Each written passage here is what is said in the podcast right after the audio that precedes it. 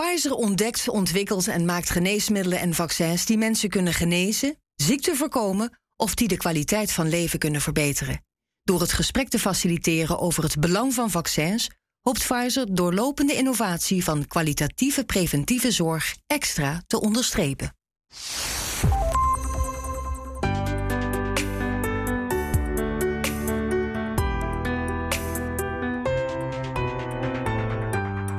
Ontrafelt als eerste de genetische code van een virus? Het zou een cliffhanger zijn voor een boek van Dan Brown. Maar ook voor virologen is het de hamvraag. Wie de code van een virus heeft, heeft de sleutel naar een vaccin. Mijn naam is Maud Schreurs en in deze tweede aflevering is mijn gast Rogier Sanders. Welkom. Jij houdt van genetische codes. Hou je ook van Dan Brown? Ja, uh, zeker. Ik heb een aantal boeken van hem met uh, veel plezier gelezen. In de boeken van Dan Brown uh, gaat het vaak om codes. Jij houdt van genetische codes, neem ik aan, want je bent viroloog. Wat betekenen die genetische codes voor jou? Nou, die genetische codes die vormen een blauwdruk. dus een genetische code van een, van een virus vormt mm -hmm. een blauw, blauwdruk van dat virus. En met name ook verschillende onderdelen van dat virus. En op basis daarvan kunnen we vaccins gaan maken. Hoe zat het met corona en de genetische code van corona? Ja, nou om, om dat voorbeeld uh, te nemen. In januari werd de genetische code van dat virus bekend vanuit uh, China. En die is heel snel ook uh, gedeeld. Die werd openbaar. En daar zijn wij toen gelijk mee aan de slag gegaan om te kijken of we daar een vaccin mee konden ontwerpen. Ja, en dan heb je dus zo'n genetische code en dan begint het hele spel. Ik ga eerst aan je vragen. We beginnen bij de basis. Wat is een vaccin? Nou, een vaccin is een kunstmatig iets uh, waarmee het uh, lichaam aan de slag gaat. Het immuunsysteem mm -hmm. gaat ermee aan de slag en wekt uh, immuniteit op. Er zit een geheugencomponent aan die immuniteit, waardoor als er een ziekteverwekker binnendringt, dat we die immuniteit hebben klaarstaan en, en dus beschermd zijn tegen die ziekteverwekker. En er zijn meerdere soorten vaccins, hè? Ja, er zijn grofweg uh, vijf typen uh, vaccins. De eerste, uh, het eerste type is een levend verzwakt ziekteverwekker, in ons geval virus. en bijvoorbeeld het mazelenvaccin is zo'n levend verzwakt vaccin. En ook een van de twee poliovaccins die, die we gebruiken.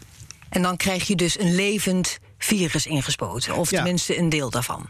nee, het, het hele virus, maar in verzwakte vorm. Okay. Het tweede type vaccin is een uh, geïnactiveerd virus, dus een dood uh, virus. En veel van de griepvaccins die we gebruiken zijn gebaseerd op dat type vaccin.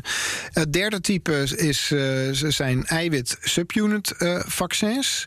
Dus hierbij pak je echt een klein stukje van het virus. En er zijn nog twee soorten vaccins die eigenlijk best wel nieuw zijn, hè? recent. Ja, ja het, de, de, het vierde type vaccin is gebaseerd op DNA of RNA. Dus eigenlijk gaat het daarbij puur om de genetische code van een onderdeel van het virus. De blauwdruk uh, daarvoor. Die wordt ingebracht. En uh, de spiercellen die gaan vanzelf dan dat eiwit van het virus maken. -hmm. en, de, en, het vijfde type vaccin uh, is een omgebouwd verkoudheidsvirus. Wat ook een stukje van die genetische code van het virus in zich heeft. Uh, waardoor ook het lichaam zelf dat uh, onderdeel van het virus gaat maken. En dan het immuunsysteem ermee aan de slag gaat. Levende en verzwakte virussen inzetten. Ja, het lijkt me niet zo heel prettig. Waarom gebruiken we die nog? Nee, daar zitten inderdaad bepaalde uh, risico's aan. Uh, we gebruikten ze omdat dat de eerste vaccins waren die ontwikkeld werden. En ze werken mm -hmm. vaak ook heel erg goed. Dat is wel belangrijk om te zeggen. Um, maar er zit een risico aan dat de dat je de, de, de ziekte krijgt van, van het uh, vaccin. En dat uh, gebeurde vroeger met, uh, met de pokkenvaccinaties. Mm -hmm. Voordat Edward Jenner in, in 1796 het koepokkenvaccin ging inzetten tegen de pokken, gebruikten we de echte pokken. En een, en een, een substantieel deel van de mensen die dat kregen, die, die kregen de pokken van het vaccin. En moeten we daar dan niet van af? Ja, absoluut. Het liefst wel. En daarom is het fantastisch fantastisch dat deze nieuwe technologieën nu uh, in deze pandemie de kans krijgen om ontwikkeld uh, te worden en naar de markt uh, te komen. Want ik denk dat we veel meer vaccins op basis van deze technologie moeten gaan maken. Die RNA-vaccins, hoe bijzonder is het in jouw ogen? Nou, het is inderdaad heel erg bijzonder. En dat, het, het blijkt al uit het feit dat we nu de eerste twee vaccins op basis van de, deze technologie pas op, op de markt hebben. En dat heeft echt heel erg te maken met technologieontwikkeling. veel mensen zagen wel de potentie van RNA voor vaccinatie. Maar een van de eigenschappen van RNA is dat het een best wel heel instabiel molecuul is. Dus het valt heel snel uit elkaar. En heel veel van de technologieontwikkeling van de afgelopen 10, 15 jaar heeft zich erop gericht om ervoor te zorgen dat we dat RNA-molecuul goed kunnen inbouwen, zodat het beschermd blijft tegen, tegen degradatie, dat het intact uh, blijft. En, en dat werpt nu zijn vruchten af. Mm -hmm. Je hebt dus die, die, vijf platforms. Hebben jullie dan genoeg in huis om alle infectieziekten in de wereld te, te tackelen? Nou, we kunnen hier heel veel mee, maar er zijn ook een aantal ziektes waarvoor het heel moeilijk blijft om een vaccin te maken. En dan hebben we het bijvoorbeeld over HIV, maar ook hepatitis C-virus. Bepaalt trouwens de aard van een virus of de aard van een schimmel of parasiet of bacterie welk soort vaccin er moet komen? Ja, dat, dat, dat zou je wel uh, zeggen. In de praktijk werkt het vaak niet zo. Uh, maar je, je, je, zou inderdaad zeggen dat uh, afhankelijk van de ziekteverwekker je een bepaald platform kiest. Want sommige platforms zijn goed in het opwekken van antistoffen. Mm -hmm. En andere platforms zijn goed in het opwekken van andere type immuniteit. En sommige virussen zo, kun je beter bestrijden met één vorm en andere beter met de andere vorm. Toch werkt het in de praktijk vaak niet zo. Eén reden is als er een nieuw nieuw virus ontstaat, dan weten we nog niet wat voor een type uh, immuniteit het best werkt tegen dat virus. Maar ook um, de meeste partijen hebben hun favoriete uh, platform waar ze de expertise uh, voor hebben, waar ze de technologie voor in huis hebben, de materialen en ook misschien patenten. Is het niet gek dat er heel verschillende coronavaccins van verschillende bedrijven zijn? Die ook de markt op mogen. Dus... Nou, kijk, ik denk dat het eh, eerste belangrijke punt om te maken is, is dat er geen concessies uh, worden gedaan. Ook in, in deze periode waarin dingen heel snel gaan, worden geen concessies aan veiligheid gedaan. Alle tests voor veiligheid worden volledig uh, doorlopen. En ik denk dat het maar goed is eigenlijk dat we verschillende uh, vaccins, dat, dat er met verschillende vaccins is begonnen in, in, in februari, maart. Waarom? Want, uh, want het blijkt nu dat bijvoorbeeld de RNA-vaccins het heel erg goed doen. Ze, uh, ze, kunnen heel snel gemaakt worden en ze blijken het ook heel erg uh, goed te doen. Als we hadden in februari, maart hadden gezegd: nou, we gaan met één platform, en dat was het verkeerde platform geweest, dan hadden we nu niet Moderna en Pfizer-vaccin gehad. Ja, je kunt nu meerdere vaccins inzetten. Ja. Met uh, betere kans van slagen, zeg je. Dan duiken we het lab in, hè, want dat is uh, je werk. Jullie knutselen daar met de genetische code. Wat gebeurt daar precies als jullie aan het werk zijn in het laboratorium?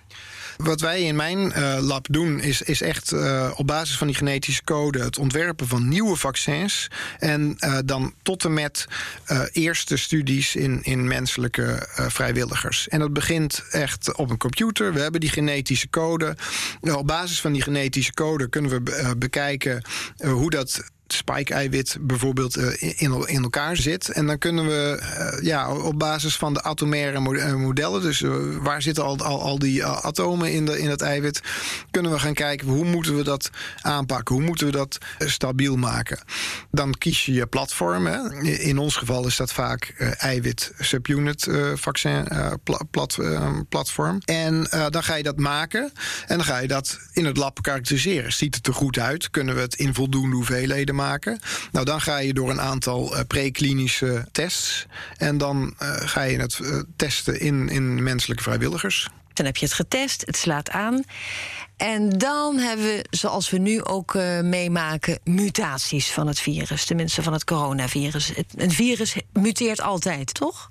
Ja, met name RNA-virussen. Die, hebben, mm, die zijn, hebben meer de neiging om, om te muteren dan, dan DNA-virussen. Ja, en als jullie dat ontdekken dat zo'n virus aan het muteren is, kan dan zo'n vaccin wat jullie hebben ontwikkeld meteen de prullenbak in? Of kunnen jullie daarmee verder? Ja, dat is een hele goede vraag. En iets wat mij wel een beetje zorgen baart. Kijk, in de eerste golf zagen we heel weinig evolutie. Misschien zagen we eens een keer één of twee mutaties in een virus. Maar nu zien we ineens uh, virus. Uh, mutanten met 10, zelfs 20 uh, mutaties. Waarschijnlijk zijn de, zijn de vaccins nog steeds werkzaam tegen deze nieuwe varianten. Mhm. Maar de snelheid waarmee die mutaties worden opgebouwd, uh, die baren me wel een beetje zorgen. En zeker in combinatie met een aantal vaccins die wat minder goed werken, zoals bijvoorbeeld dat Oxford-AstraZeneca-vaccin. Dat is, heeft een effectiviteit van 60 uh, tot 70 procent. Dat wil mhm. zeggen dat 30 tot 40 procent van de mensen die gevaccineerd worden, wel wat immuniteit opbouwen, maar niet genoeg om te beschermen. Nou, dan heb je in die personen dus een immuunreactie en een virus dat kan muteren. Dat is echt een recept voor, uh, voor evolutie, verdere uh, mutaties, die, waardoor het virus gaat proberen uh, te ontsnappen aan die immuniteit. En dat is eigenlijk misschien wel een beetje vergelijkbaar met antibiotica-resistentie. Mm -hmm. Als je een antibiotica-kuur uh, moet je af maken. Omdat je op een gegeven moment anders te lage niveaus krijgt van het antibioticum. Terwijl er ook nog eh, bacteriën zijn. En dan krijg je dus dat die bacteriën ontsnappen aan dat uh, antibioticum. Ja, je zei net AstraZeneca, uh, 60, 70 procent. De andere vaccins die hebben een hogere dekkingsgraad. Hè, ja, die eh, zitten rond de 90, 95 procent. Dus ja. beduidend beter. Dat virus, het coronavirus, muteert nu. Kan het een virus worden wat echt ook nog meer slachtoffers gaat maken? Kan het zo veranderen dat we er nog zieker van gaan worden? Het lijkt vooral uh, de, de verspreiding te versnellen. En dat is ook, uh, als je het van het uh, evolutionaire oogpunt van het virus bekijkt, precies wat je zou kunnen verwachten. Snellere verspreiding, maar vooral niet de, de, de, de mens, de gastheer, uh, doodmaken of, of ziek maken, want dan gaat die verspreiding juist minder. Hoe langer mensen redelijk ja, gezond rondlopen met zo'n virus, hoe sneller dat virus zich natuurlijk kan verspreiden. Maar je maakt je nog geen zorgen. Je ziet er een beetje bedenk, je kijkt heel bedenkelijk. Nou, ik denk dat, dat er een, een, zeker een risico is dat dit virus uh, gaat ontsnappen aan vaccin-geïndiceerde immuniteit. En dat is iets wat we heel erg goed in de gaten moeten houden. En wat ik bijvoorbeeld zou willen zien, is dat die uh, um, in ieder geval 30 mensen uh, die het uh, Oxford AstraZeneca-vaccin kregen en toch besmet raakten, dat die helemaal uitgeplozen worden, zodat we ja, kunnen zien of dat virus in die mensen inderdaad muteert. Wie bepaalt eigenlijk voor welke infectieziekte een onderzoek wordt gestart naar een vaccin? Wie, wie drukt op de knop? Ja, nou, er zijn, er zijn verschillende uh, partijen. Uh, dat zijn academische onderzoekers, bedrijven en, en overheden. En dat hangt natuurlijk af van of iets een maatschappelijk probleem is, of een maatschappelijk probleem zou kunnen worden, of, het een, of het commercieel interessant is. En of er genoeg financiële middelen beschikbaar gemaakt kunnen worden. En welke overheden doen dat heel erg goed of doen dat veel? Nederland? bijvoorbeeld? Nederland geeft zeker ook wel onderzoek uh, uit aan vaccinonderzoek. Mm -hmm. uh, maar bijvoorbeeld de Amerikaanse overheid heeft ook een programma om vaccins te gaan maken tegen, tegen virussen of bacteriën die een, uh, die een potentieel gevaar kunnen opleveren als het gaat om bioterrorisme of zo. Dat, dat soort dingen kunnen ook gestuurd worden. Ja, maar ik kan me voorstellen dat farmaceutische bedrijven die bezig zijn met vaccins, dat geld daar ook een rol in speelt. Hè? Dus... Ja, absoluut. Er moet een, een, een, een, een moet commercieel haalbaar zijn. Dus een heel zeldzaam uh, virus, daar zal een, een, farmaceutisch bedrijf niet zo snel heel veel geld in steken. En ook bijvoorbeeld virussen waarvoor het heel moeilijk is om een vaccin te maken, bijvoorbeeld HIV. Mm -hmm. Er zijn veel bedrijven die daar hun handen van afgetrokken hebben, omdat het gewoon te onzeker is of het lukt. Maar dat betekent dus dat jij als hoogleraar zelf kunt bepalen voor welke infectieziekte je een vaccin gaat proberen. Nou ja, voor een groot deel wordt dat gedreven door de, de, de, de, de, subsidies die ik krijg. En de meeste subsidies uh, die mijn lab uh, krijgt zijn op het gebied van HIV. Dus het grootste deel van mijn onderzoek is, is HIV-vaccinonderzoek. Mm -hmm. uh, maar we hebben een paar, ja, we noemen dat misschien hobby, hobbyprojecten die we ja, daarnaast doen. En we hebben bijvoorbeeld een project aan het Lassa-virus en ook hepatitis C-virus. Maar dan heb je het niet echt over preventie, hè? Als je zelf de initiatieven neemt om onderzoek te doen naar bepaalde infectieziekten? Nou, echt preventie voor ziektes die er nog niet zijn, is natuurlijk heel lastig. Omdat als een ziekte er nog niet is, dan is de genetische code van de ziekteverwekker er ook niet. Maar we proberen wel ook vaccins te maken die breder uh, actief zijn tegen ook nog onbekende virussen. En bijvoorbeeld, uh, we kunnen nu heel goed het momentum gebruiken uh, in, in, in dit coronavirusvaccinonderzoek. Om vaccins te ontwikkelen die niet alleen maar dit COVID-virus um, kunnen voorkomen, maar ook um, besmetting met nieuwe virussen. Je had het net over HIV, dat is jouw onderzoeksterrein, hè, geloof ik. En voor veel onderzoekers een fascinerend virus. Ook Annemiek van der Eijk, microbioloog in het Erasmus. En mijn gast in de eerste aflevering van deze serie gaf aan dat HIV haar erg boeit. Laten we even luisteren wat zij zei in die eerste aflevering. Het is een virus wat zich enorm goed kan verstoppen in een mens. Eh, daar jarenlang aanwezig kan zijn, zodat die persoon andere mensen kan besmetten. En het is een, in het voordeel van een virus dat het zo lang mogelijk overleeft. Dus je maakt jarenlang heb je een gastheer die niet ziek van je wordt. Je kan heel veel mensen besmetten. Maar wat ik dan niet snap, waarom maakt dit virus dan uiteindelijk ook de gastheer dood? Dat vind ik onlogisch. En dat, ja, dat vind ik dan wel weer, weer wel intrigerend van zo'n virus. Ja, dat vindt uh, Annemiek intrigerend. Waarom boeit HIV jou zo?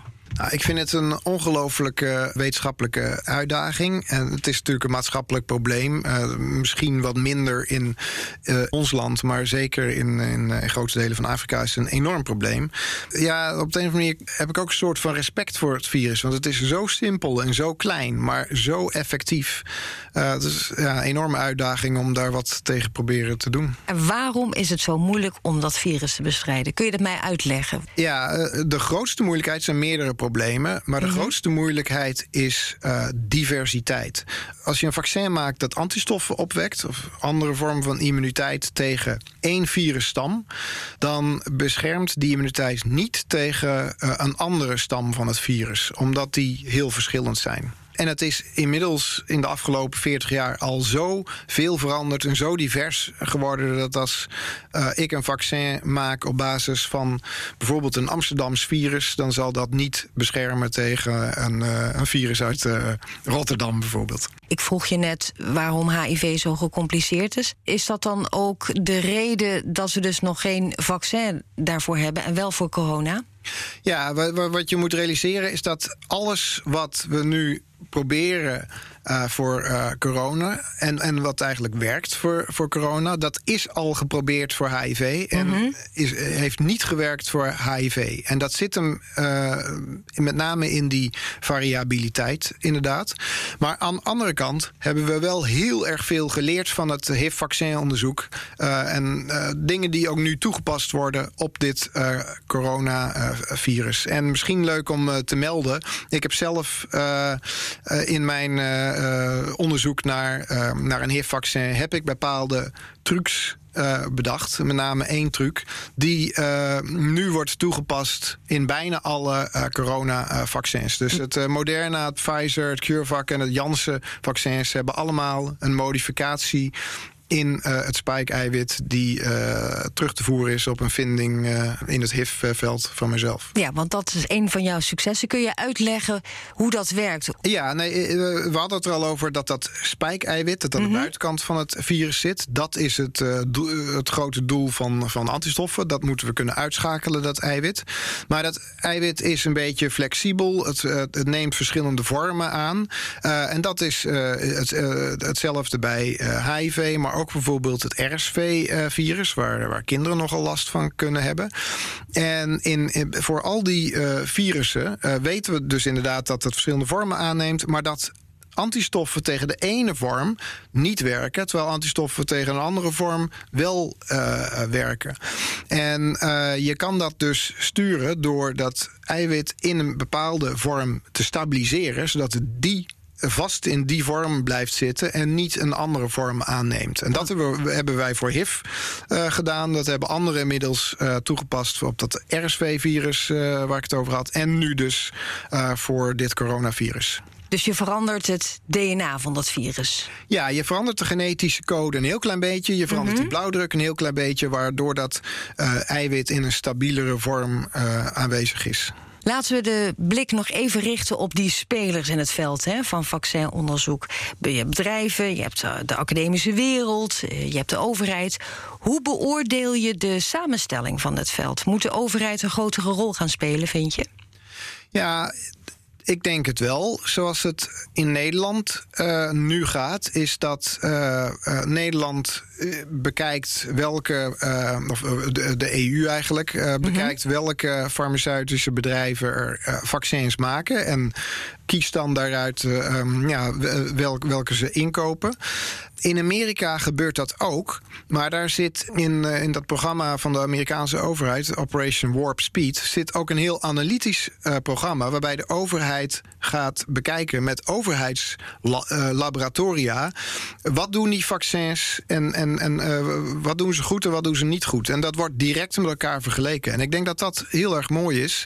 eh, want daardoor worden we minder afhankelijk van wa- wat eigenlijk die farmaceutische industrie ons eh, vertelt. Maar in Amerika gaat er heel veel geld aan om hè, in Ja. de ontwikkeling van vaccins. De oud-directeur van het RIVM, Roel Coutinho, die is het niet helemaal met je eens. Laten we even luisteren wat hij afgelopen april zei op BNR Nieuwsradio. Nederland heeft eh, in het verleden een heel sterk eh, vaccininstituut gehad. Ook heel goed. Die hebben veel vaccins geproduceerd. Maar in de tijd dat ik daar was, ja, was het toch veel te veel een overheidsinstituut geworden. Er moest voortdurend geld bij. Er waren ook ernstige tekortkomingen in bepaalde veiligheidsmaatregelen, waardoor ze af en toe stilgelegd moesten worden. Ja, het is gewoon de tijd dat een overheidsinstelling dat kan, die is gewoon voorbij. De, overheid kan dat gewoon niet meer. Je moet gewoon privatiseren. Wat vind je van die eh, uitspraak? Nou ja, kijk, ik weet niet precies hoe de situatie was bij dat over, eh, overheidsinstituut, het NVI, waar, waar die het over heeft. En het, het zou best kunnen dat dat niet meer goed eh, functioneerde.